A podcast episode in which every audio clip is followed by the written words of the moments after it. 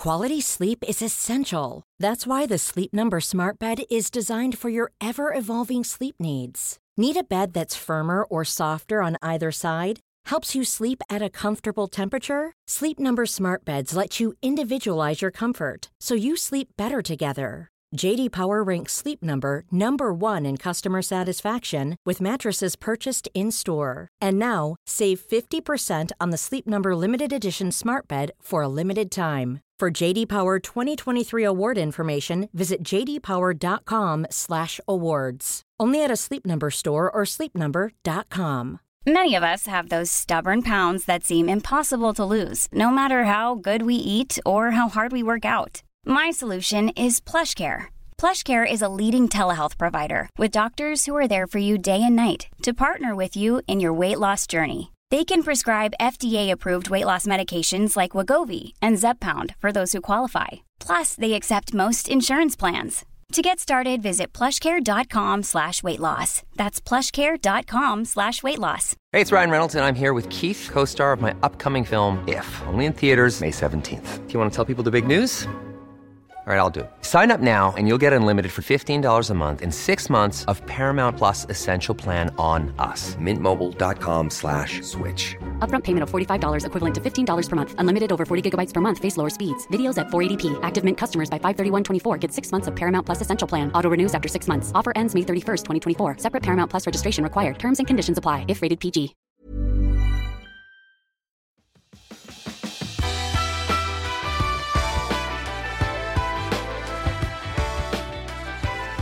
Välkommen till Klimakteriepoddens 35 avsnitt med mig, Åsa Melin.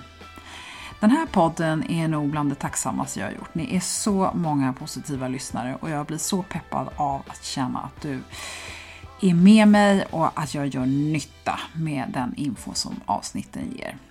Eh, missa inte att gå tillbaka och repetera och kolla om du har missat något intressant. På hemsidan klimakteriepodden.se så är det lätt att bläddra mellan avsnitten och hitta länkar för att lyssna. Och du får också gärna berätta vilka ämnen du vill att jag ska ta upp framåt. Och då kommer du i kontakt med mig på info.klimakteriepodden.se. Nu ska du få höra professor Susanna Toivonen och vad hon har att säga om kvinnor och arbetslivet. Välkommen! Susanna Toivonen, välkommen till Klimakteriepodden. Tack så mycket och härligt att få vara med här. Ja, det är roligt. Du är professor i sociologi och du jobbar vid Mälardalens högskola och eh, Stockholms universitet. Det stämmer. Och du är genusforskare, får man säga så? Eller samhällsvetare? Ja, jag skulle vilja säga så här att jag är sociolog och då är man per definition också samhällsvetare och jag forskar om arbetsliv, arbetsmiljö och hälsa. Så eh, genusforskare är jag inte, jag är inte genusteoretiker.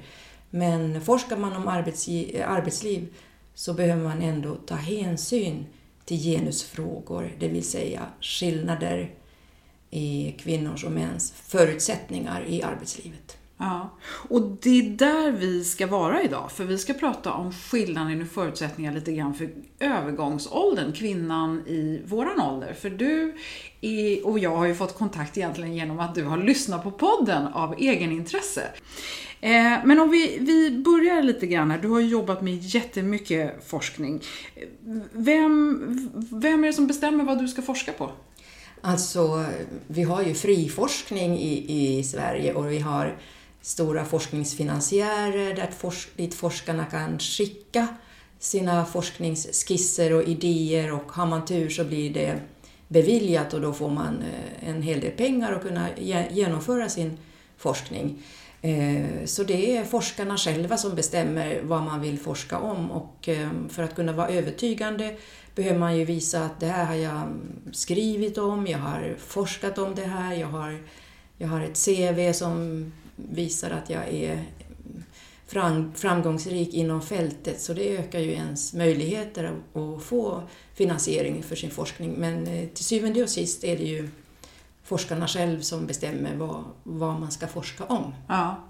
Och det du har fokuserat på är ju mycket om kvinnors och mäns arbetsliv och hur det påverkar oss och hur det påverkar sjukdomar och hur det... Eh, och det är väl det som jag tänker att vi ska gräva lite i idag.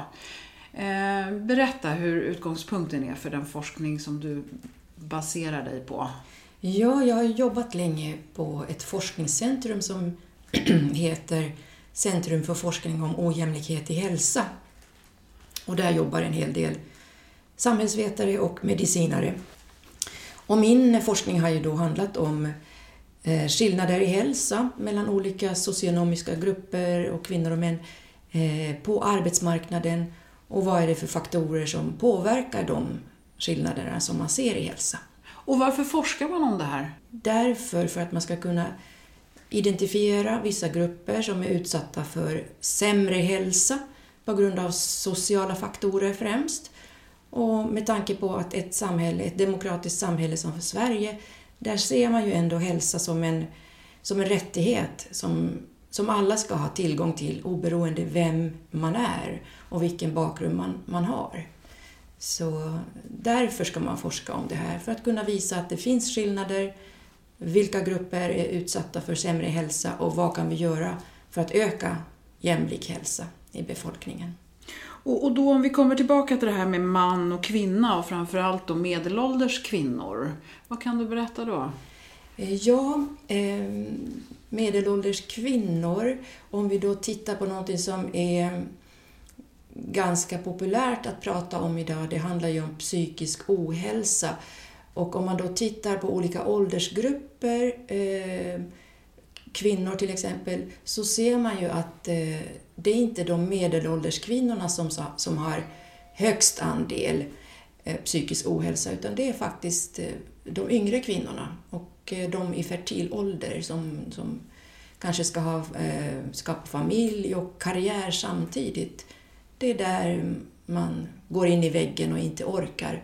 Så vad jag vill ha sagt med det här är ju att kvinnor i medelålders och i klimakteriet och för klimakteriet och efter klimakteriet, det är en otrolig resurs. Och här ska man ju lyfta fram till den här gruppen att det här är en grupp att satsa på i arbetslivet. Och vi vet ju också att eh, eh statsmakterna vill att vi ska stanna längre i arbetslivet. Eh, förväntade livslängden har ökat och därför behöver vi också jobba längre för att bidra till våra socialförsäkringar. Och, ehm, och det faktiskt, verkar ju vara så att eh, de äldre, det är ett, en stor, ett stort potential.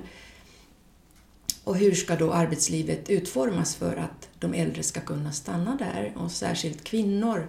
Vad är det kvinnor som är i klimakteriet behöver för anpassningar i arbetslivet för att man ska då ha lust och, och kunna, vilja och, och så vidare. Att stanna ja, i, längre i men, men är det inte så att det finns ett problem här? För många kvinnor i 50-årsåldern eller 50 plus sadlar om och bestämmer sig för att göra andra saker. Man går i tidig pension, man börjar jobba som egenföretagare.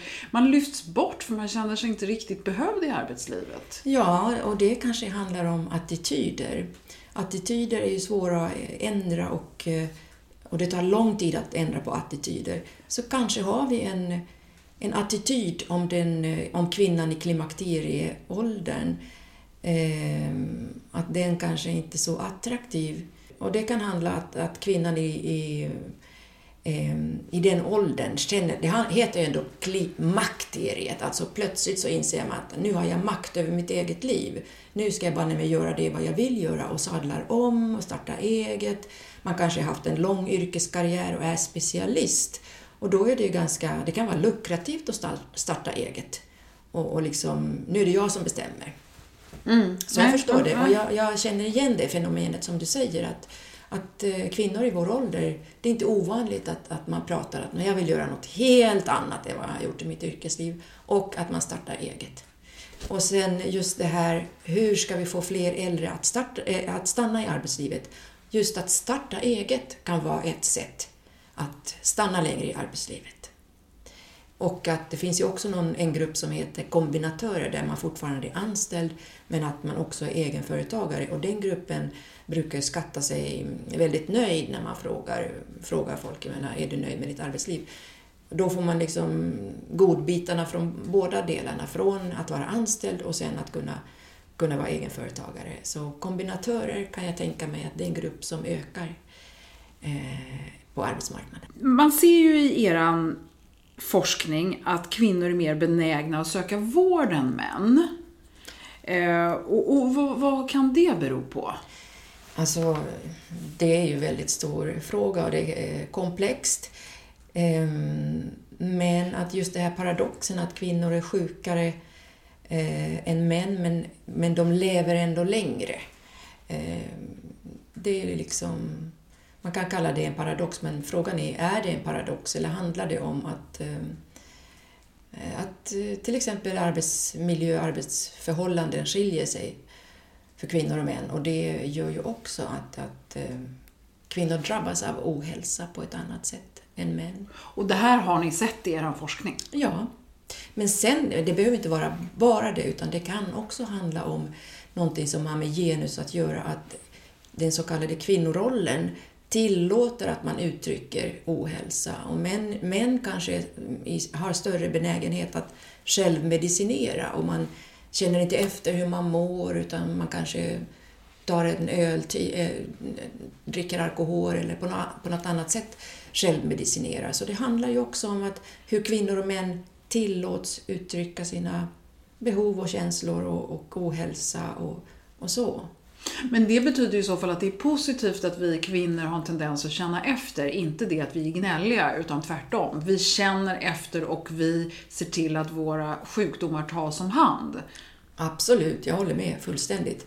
Män borde liksom tränas, tränas i att vara mer inkännande och eh, när det gäller deras egen hälsa och ta tag i sin ohälsa tidigare. Jag menar vad det nu kan handla om, om det är livsstilsfaktorer, fetma, eh, alkohol, cigaretter och bryr sig. Jag menar, vi vet ju att kvinnor lever hälsosammare, kvinnor har en sundare livsstil. Mm. Det här borde ju män anamma. Mm. Och om man då tänker på att kvinnor har en hälsosammare livsstil eh, så tycker jag ju ändå att det som, som det lilla jag har läst av er forskning så framgår det ju att det ändå är en klassfråga. Eh, och det här kommer ju tillbaka om och om igen. Att, att beroende på hur inkomstklyftor i vårt samhälle så är också hälsan bättre för vissa än andra. Kan du inte berätta lite grann om vad ni har sett? Och vi har ju då tittat på socioekonomiska skillnader i hälsa och hur mäter man socioekonomi? Man kan titta på yrkesbaserad social klass och då tittar man på arbetaryrken gentemot tjänstemannayrken. Man kan titta på utbildningsnivå och man kan titta på inkomstnivå. Så det är tre olika grundläggande sätt att mäta socioekonomi. Och grupperar man människor i eh, de här socioekonomiska indikatorerna så ser man liksom, man pratar om en hälsogradient och det innebär att de som är högst, till exempel de, de som har högst utbildningsnivå, inkomst och social position eh, utifrån klass då, så de har lägst eh, nivå av ohälsa, lägst risk att drabbas av ohälsa. Och sen ökar den här risken för varje steg ju längre ner man kommer på den här indikatorn. Så de som är i lägsta position, de har högst risk av ohälsa. Och det här har man liksom hittat eh, i alla länder, det är globalt. Alltså hälsan har en social gradient, brukar man säga. Sen finns det vissa eh, ohälsor, vissa former av cancer till exempel, där man pratar om att de med högst inkomst har högst risk och det, det kan handla om om jag nu kommer ihåg rätt, till exempel om hudcancer och den typen av så det finns vissa... Eh, de spelar mer golf och reser mer till soliga Eller hur? det kan handla om det. Ja. Men att eh, ja. helt generellt, om man ska liksom generalisera, så, så är all ohälsa, all typ av sjuklighet, vad vi lider utav, har en social gradient. Finns det anledning att forska på eh, klimakteriekvinnor?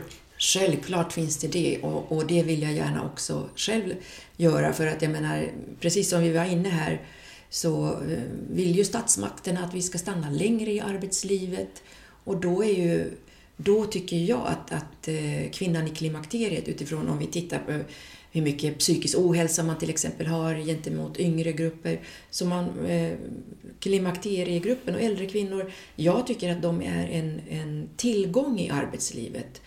Och kvinnor i klimakterieåldern och arbetslivet, det här är också en viktig fråga för att när det gäller hormonersättningsbehandlingar, här finns det ju en stor okunskap och en stor rädsla. Och det har jag märkt själv när jag kommit i, i klimakteriet och, och, och den här åldern att, att yngre kvinnor vill inte prata om de här frågorna och det kan man ju förstå. Men även kvinnor i klimakterieåldern Eh, och som är forskare och välutbildade, där finns en stor det finns en okunskap och det finns en rädsla och här gör ju Klimakteriepodden ett viktigt arbete genom att intervjua specialister och prata om bioidentiska hormoner och hur viktigt det är att vi får hjälp i den här livsfasen att balansera våra hormoner. För att har man klimakterie, starka symptom och inte får något stöd och hjälp i det så påverkar det ju någonstans arbetsförmågan också. Jag menar, det säger ju sig själv.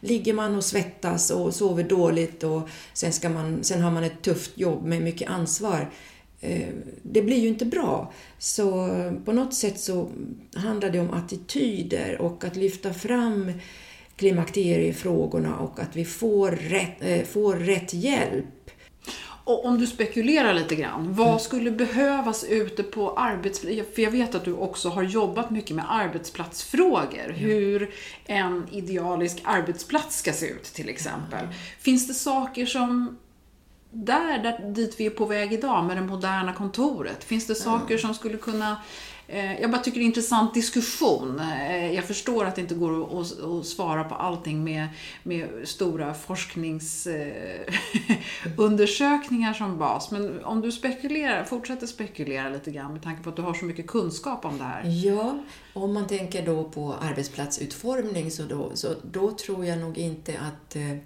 kön eh, är någon eh, jätteviktig faktor, snarare då ålder. Att om äldre människor ska jobba på kontor så kanske behövs det liksom, man behöver titta på arbetsmiljöfaktorer såsom belysning och, eh, och ljudmiljön och, och den typen av, för att vi vet ju liksom att det sker försämringar i syn och hörsel och, och den typen av eh, faktorer. Så, så där tror jag inte kanske att eh, kön är jätte, jätteviktigt.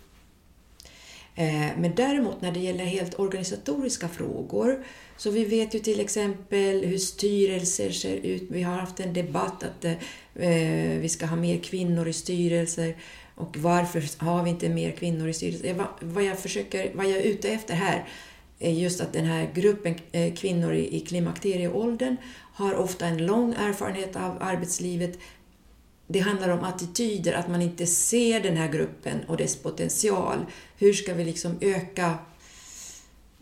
Eh, hur ska vi se att den här gruppen är viktig i arbetslivet? Den här gruppen är viktig i bolagsstyrelser. Den här gruppen är viktig i ledarskapspositioner. Det, det, det är den typen av frågor som jag tycker är mer intressanta än hur arbetsplatsen är utformad när det gäller den här gruppen av kvinnor. Varför är de viktiga?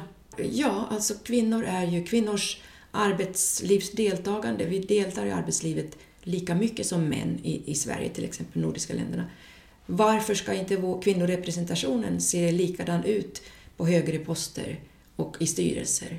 Ja, vi missar ju jättemycket kunskap och kompetens om vi inte ser till att det, det blir mer jämlikt. Jag kan bara utifrån min egen bransch säga att ungefär 25 procent av alla professorer är kvinnor i Sverige. Och det handlar ju inte om det att kvinnor inte vill bli professorer. Det handlar ju om att det är svårare för kvinnor att bli professorer. Och är det för att man inte är lika ihärdig eller man ger upp eller vad, vad är det? Ja, man har inte markservice på samma sätt som män. Det, det är tuffare. Utveckla. Ja, alltså en man, nu, nu ska jag raljera lite grann, nu ska jag liksom ge lite uttryck för mina mina fördomar, men det finns faktiskt lite bevis för dem också. Att eh, en man som vill bli professor behöver kanske inte bry sig så mycket om att eh, hushållsarbetet eh, funkar bra och att barnen har fått sin ryggsäck med, med gympakläder och matsäck och allt vad det innebär. Så jag menar, just det här dubbla dubbla ansvaret som många kvinnor har, att de, de ska liksom toppa i arbetslivet samtidigt som man, ska liksom, man är ansvarig för hem, hemarbetet. Eh, huvudansvarig. Så jag menar att eh, män på högre positioner har, har lättare eh, i arbetslivet. De, de kan mer fokusera på sitt arbetsliv och just det här med, med hemmet, det finns någon annan där som sköter det. Idag kan man ju köpa tjänster och man kan köpa städhjälp och man kan köpa barnpassning och allt det här och det gör man säkerligen ju högre upp i, i eh, arbetsorganisatoriska hierarkin man kommer. Men ändå hävdar jag, liksom, om man tittar på akademin, det är fler kvinnor som tar examen, som tar doktorsexamen, men ändå har vi färre som blir professorer och färre som väljer den akademiska karriären. Och det är inte för att kvinnor inte vill, det handlar om att det är svårare för kvinnor, det kräver mer uppoffringar helt mm. enkelt. Så ser det ut, tyvärr.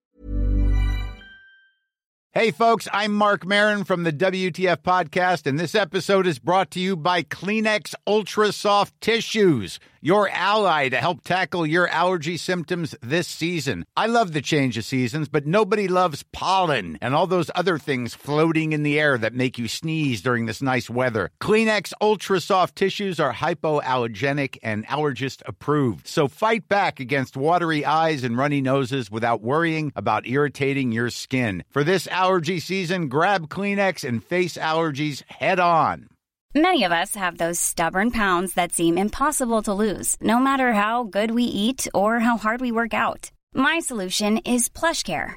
PlushCare is a leading telehealth provider with doctors who are there for you day and night to partner with you in your weight loss journey. They can prescribe FDA-approved weight loss medications like Wagovi and Zepbound for those who qualify. Plus, they accept most insurance plans. To get started, visit plushcare.com slash weight loss. That's plushcare.com slash weight loss. Quality sleep is essential. That's why the Sleep Number Smart Bed is designed for your ever-evolving sleep needs. Need a bed that's firmer or softer on either side? Helps you sleep at a comfortable temperature? Sleep Number Smart Beds let you individualize your comfort so you sleep better together. JD Power ranks Sleep Number number 1 in customer satisfaction with mattresses purchased in-store. And now, save 50% on the Sleep Number limited edition Smart Bed for a limited time. For JD Power 2023 award information, visit jdpower.com/awards. Only at a Sleep Number store or sleepnumber.com.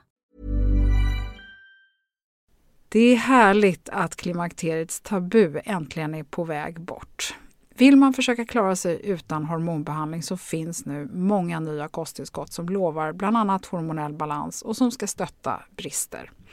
Jag vill lyfta min räddare i nöden, femarell.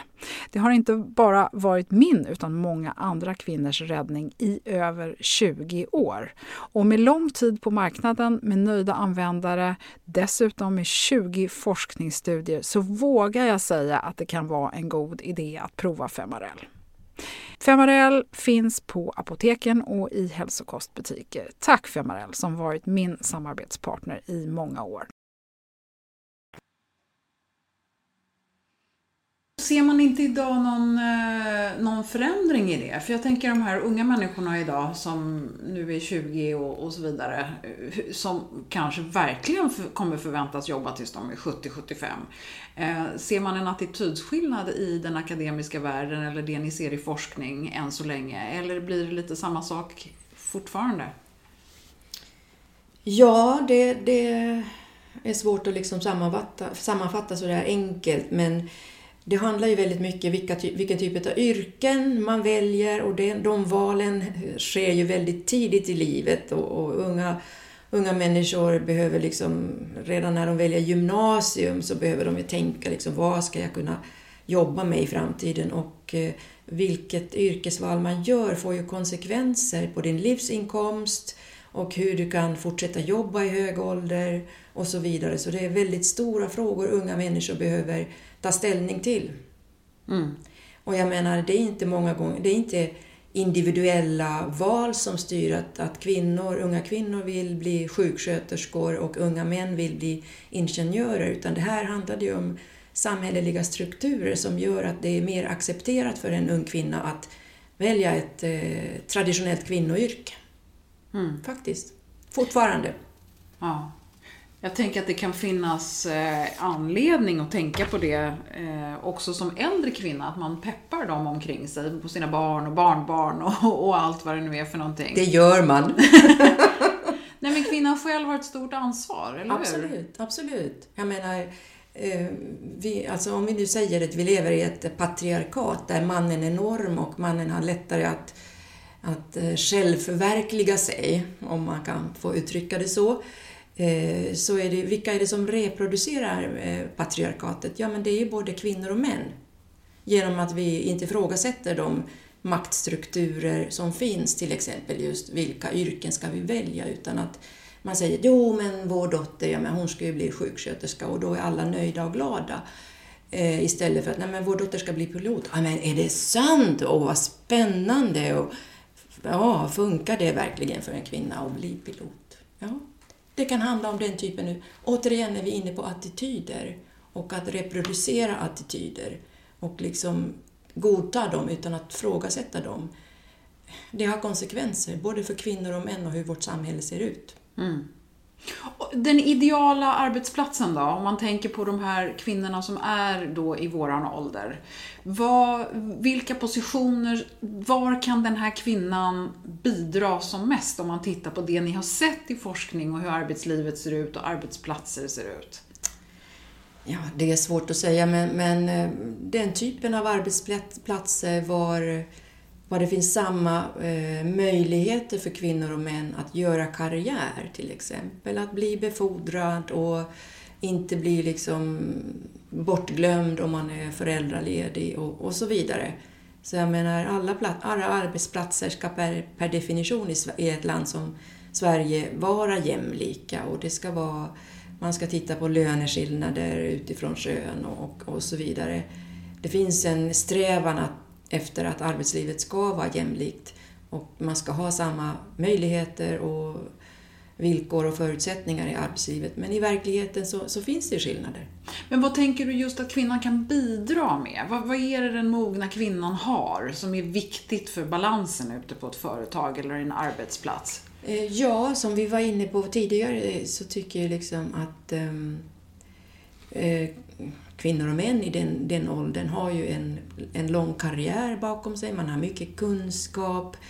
Och just när det gäller ohälsa så, är, så ser det ut ändå att det är inte de äldre kvinnorna som bidrar mest till ohälsan utan det är kanske de åldrarna var man är fertil och, och har både belastningar från att eh, vara småbarnsföräldrar och att göra karriär. Det är då man kanske skulle behöva liksom, eh, lättnader.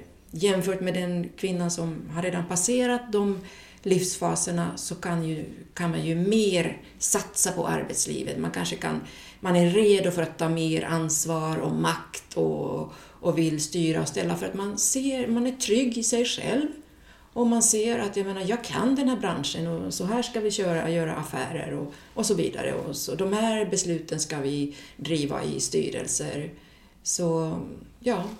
Mm. Så egentligen så bidrar inte kvinnan med något unikt utan hon bidrar med precis samma saker som mannen? Precis, det tycker jag. Och eh, väljer, man, eh, väljer man en yrkeskarriär eh, kring de frågor som man brinner för, jag menar, då blir man ju väldigt, då är ju den inre motivationen hög och då, då utvecklas man och då blir man en specialist och, och har verkligen mycket att bidra med, oberoende om man är kvinna eller man. Men däremot så är det lättare för män att ta sig fram till höga positioner och styrelseposter än kvinnor. Det ser vi ju, det är inte jämnt fördelat på något vis.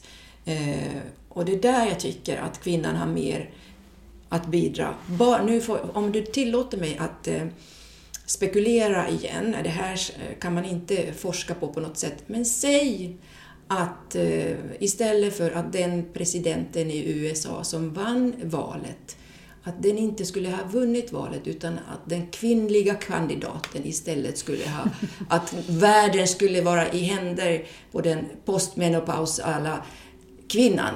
Jag tycker personligen att jag skulle känna mig lite tryggare. Vad tror ja. du själv? Ja, det kan vara lite av en personlighetsfråga också kanske. För den tidig föregångaren kände jag mig väldigt trygg med. Ja, jag med. Säga. Men han hade ju också en väldigt klok fru. ja, precis. precis. Ja. Du, jag tänker så här, det, det, är spännande. Jag bara vill fråga, den mogna kvinnan i Nordeuropa jämfört med i Sydeuropa och sådär. Är det bara en illusion att, att kvinnan har högre status i, i andra delar av vår värld och att man här i, i eh, Norden, eller i Sverige då, får vi väl utgå ifrån i första hand, kastas lite på sophögen när man blir lite äldre, 50 plus? Det finns skillnader eh, mellan länder. Eh, det kan man ju bara konstatera om man tittar på livslängden bland kvinnor och män. Eh, och generellt så, så ser vi ju att kvinnan lever längre än mannen. Och det här, hur många år det handlar om varierar bland olika länder. Men sen finns det ju vissa länder där kvinnan lever kortare än mannen. Och det är ofta sådana samhällen där kvinnan har väldigt låg status. Mm. Okay. Inte där hon, man ser att hon jobbar hårt eller? Nej. Nej. Så det, det finns den typen av länder att, eh, där kvinnor inte är vattenvärda. Och det innebär ju också att, eh, att barnadödligheten är, är hög. Man, kvinnors eh, olika livsfaser, var man behöver mycket vård, till exempel när man är reproduktiv, där finns inte den vården. Och att överhuvudtaget kvinnans ställning i samhället är väldigt låg och det, det ger genast eh, effekt på livslängden. Så mm. livslängden, hur länge man lever, är en bra indikator. Mm. Okej. Okay. Och då ska vi vara ganska glada för den livslängd vi har i Sverige då? En, en slutlig... Ja, om jag får säga att vi, ja naturligtvis har vi också en skillnad mellan kvinnor och män eh, vad gäller livslängd i Sverige, men den livslängden håller på att krympa. Så jag menar, männens livslängd har ökat mer eh, de senaste decennierna jämfört med kvinnans. Och det här eh, kan återigen bero på väldigt många saker. Men det handlar ju naturligtvis också om de medicinska landvinningarna, att man lyckas eh, rädda fler som drabbas av hjärt och kärlsjukdomar till exempel och, och, och, på det viset så minskar eh, skillnaderna i livslängd.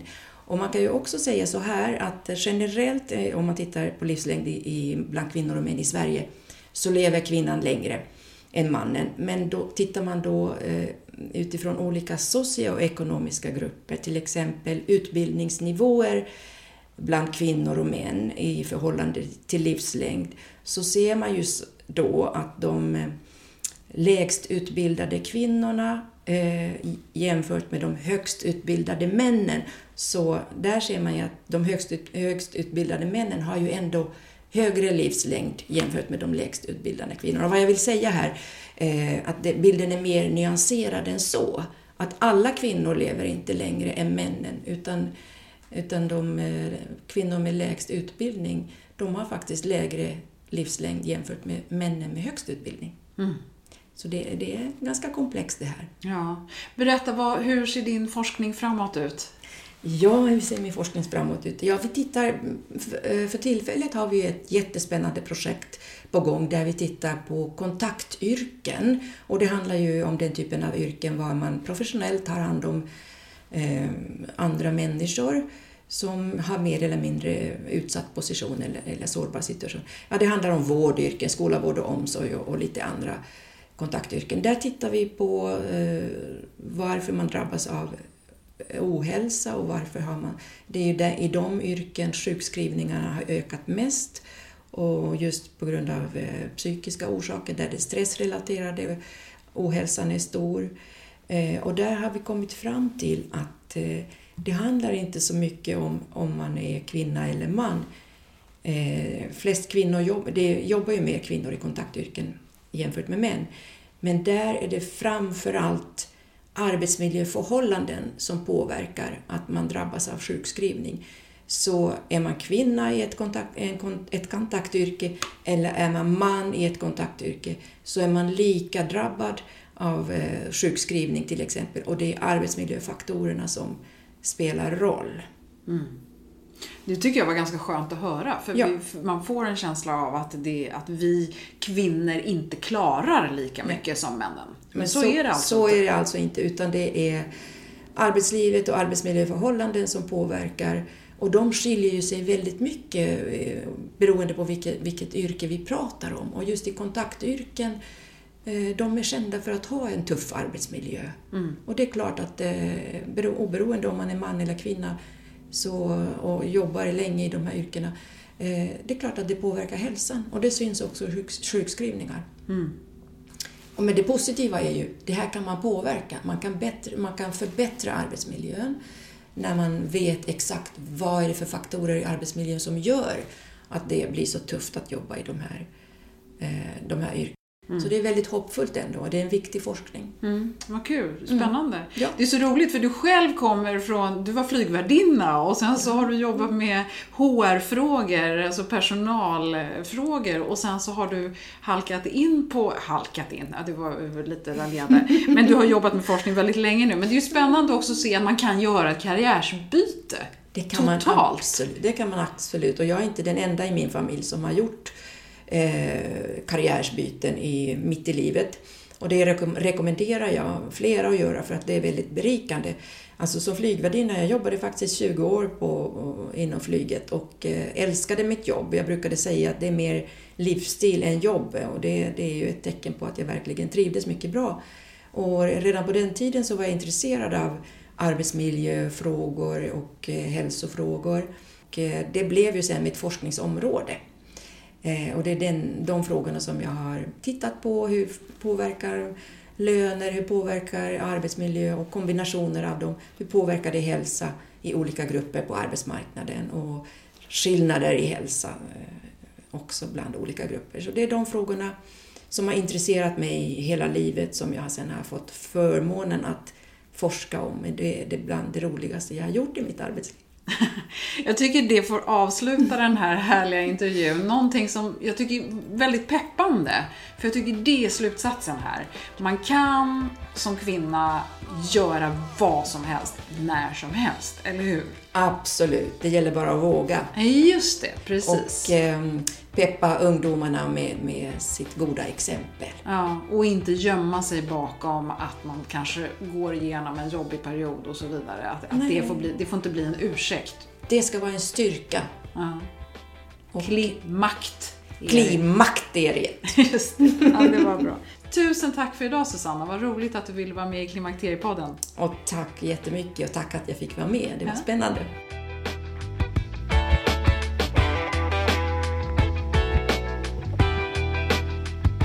Ja, ni hörde ju själva.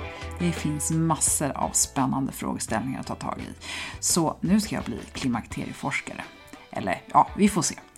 Tycker du att det är spännande det här med arbetslivet och behöver du kanske lite pepp att ta tag i dig själv med lite självstyrning? Eh, Mia Törnblom som är med i nästa avsnitt, hon kan säkert inspirera dig. Vi ska tala om självkänsla och självledarskap och det blir lite eldigt samtal emellanåt. Så missa inte det. Och missa nu inte att gå in på klimakteriepodden.se. Där hittar du alla tidigare avsnitt. En bild på Susanna såklart och så hittar du också en spännande länk som Susanna har rekommenderat. Eller så går du in på Klimakteriepodden på Facebook och du får gärna följa oss också på Instagram. Hoppas du är med och lyssnar snart igen. Hej då!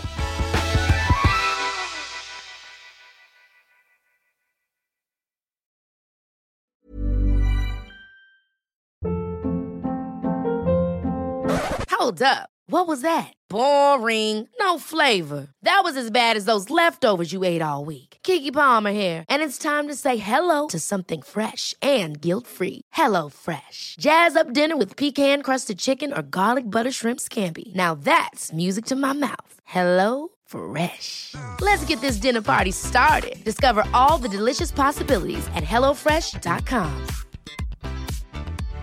Hi, I'm Daniel, founder of Pretty Litter. Cats and cat owners deserve better than any old-fashioned litter. That's why I teamed up with scientists and veterinarians to create Pretty Litter. Its innovative crystal formula has superior odor control and weighs up to 80% less than clay litter. Pretty Litter even monitors health by changing colors to help detect early signs of potential illness. It's the world's smartest kitty litter. Go to prettylitter.com and use code ACAST for 20% off your first order and a free cat toy. Terms and conditions apply. See site for details. Imagine the softest sheets you've ever felt. Now imagine them getting even softer over time. That's what you'll feel with Bowl and Branch's organic cotton sheets. In a recent customer survey, 96% replied that Bowl and Branch sheets get softer with every wash. Start getting your best night's sleep in these sheets that get softer and softer for years to come. Try their sheets with a 30-night guarantee. Plus, get 15% off your first order at bowlandbranch.com. Code BUTTERY. Exclusions apply. See site for details.